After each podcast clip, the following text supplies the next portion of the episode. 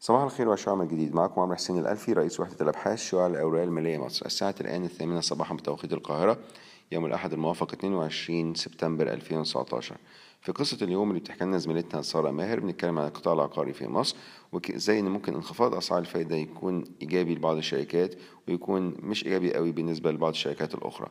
بنتكلم على طبعا القطاع العقاري بصفة عامة بيتعامل مع القروض بحساسية معينة وده نتيجة طبعا لأن معظم الشركات بتبيع الوحدات السكنية بتاعتها عن طريق بيع على الخريطة أو ال off-plan sales ويتم تمويل هذه الوحدات من قبل العملاء ويتم التسليم في خلال سنوات لاحقة.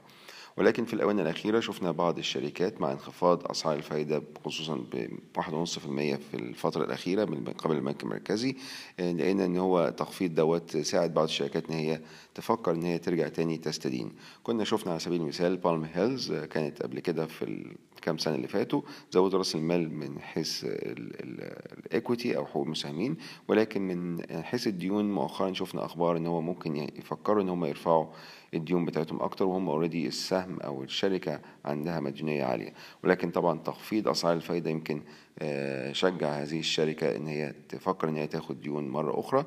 ممكن يكون علشان عايزة تسرع تسليم المشاريع بتاعتها أو لتباطؤ في بيع المشاريع الحالية.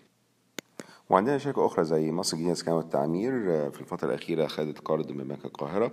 يمكن الشركة بتحاول تغير ال business model بتاعها إنها تبيع وحدات كاملة الصنع إلى إنها تبيع برضو زي الشركات العقارية الأخرى على الخريطة وإنها تزود نسبة الإيرادات المتكررة.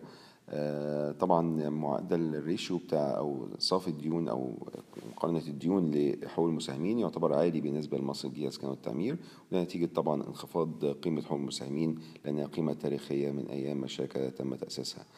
عندنا شركة أخرى زي أوراسكوم للتنمية مصر بتحاول تغير أو تعمل إعادة هيكلة للشركات بتاعتها ببيع بعض الأصول غير الأساسية ونسبة يمكن الإيرادات المتكررة في إيرادات الشركة تساوي تقريبا التلت ودي حاجة إيجابية تقدر تخدم بيها الديون بتاعتها.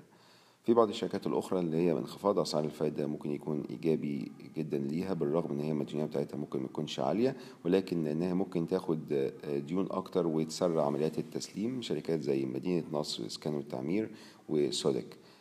فبالتالي إحنا تخفيض أسعار الفايدة ممكن يكون إيجابي للشركات اللي هي عندها ديون عالية حاليا وممكن يكون إيجابي لبعض الشركات الأخرى أيضا اللي هي ممكن تستدين أكتر عشان تسرع تقوم عمليات تسريع التسليم بتاعتها زي ما أشرنا قبل كده في التقرير العقاري بتاعنا رؤيتنا كانت سالبة للقطاع السكني ويمكن اتخاذ قرار بعض الشركات لقرار الاستدانة جاء مناسبا طبعا بعد تخفيض أسعار الفايدة ولكن ده ممكن يشير لتباطؤ في القطاع العقاري بصفة عامة.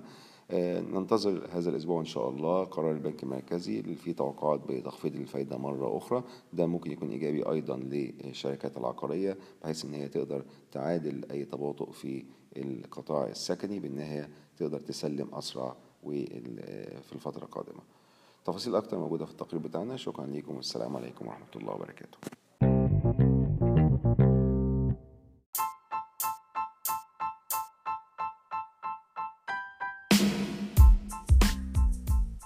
إن هذا الملخص الصوتي هو لأغراض المعرفة فقط ولا يمكن اعتباره عرض شراء أو بيع أو إدارة استثمارات أو خدمات استشارية. ينصح باستشارة مستشارك المالي قبل اتخاذ أي قرار استثماري.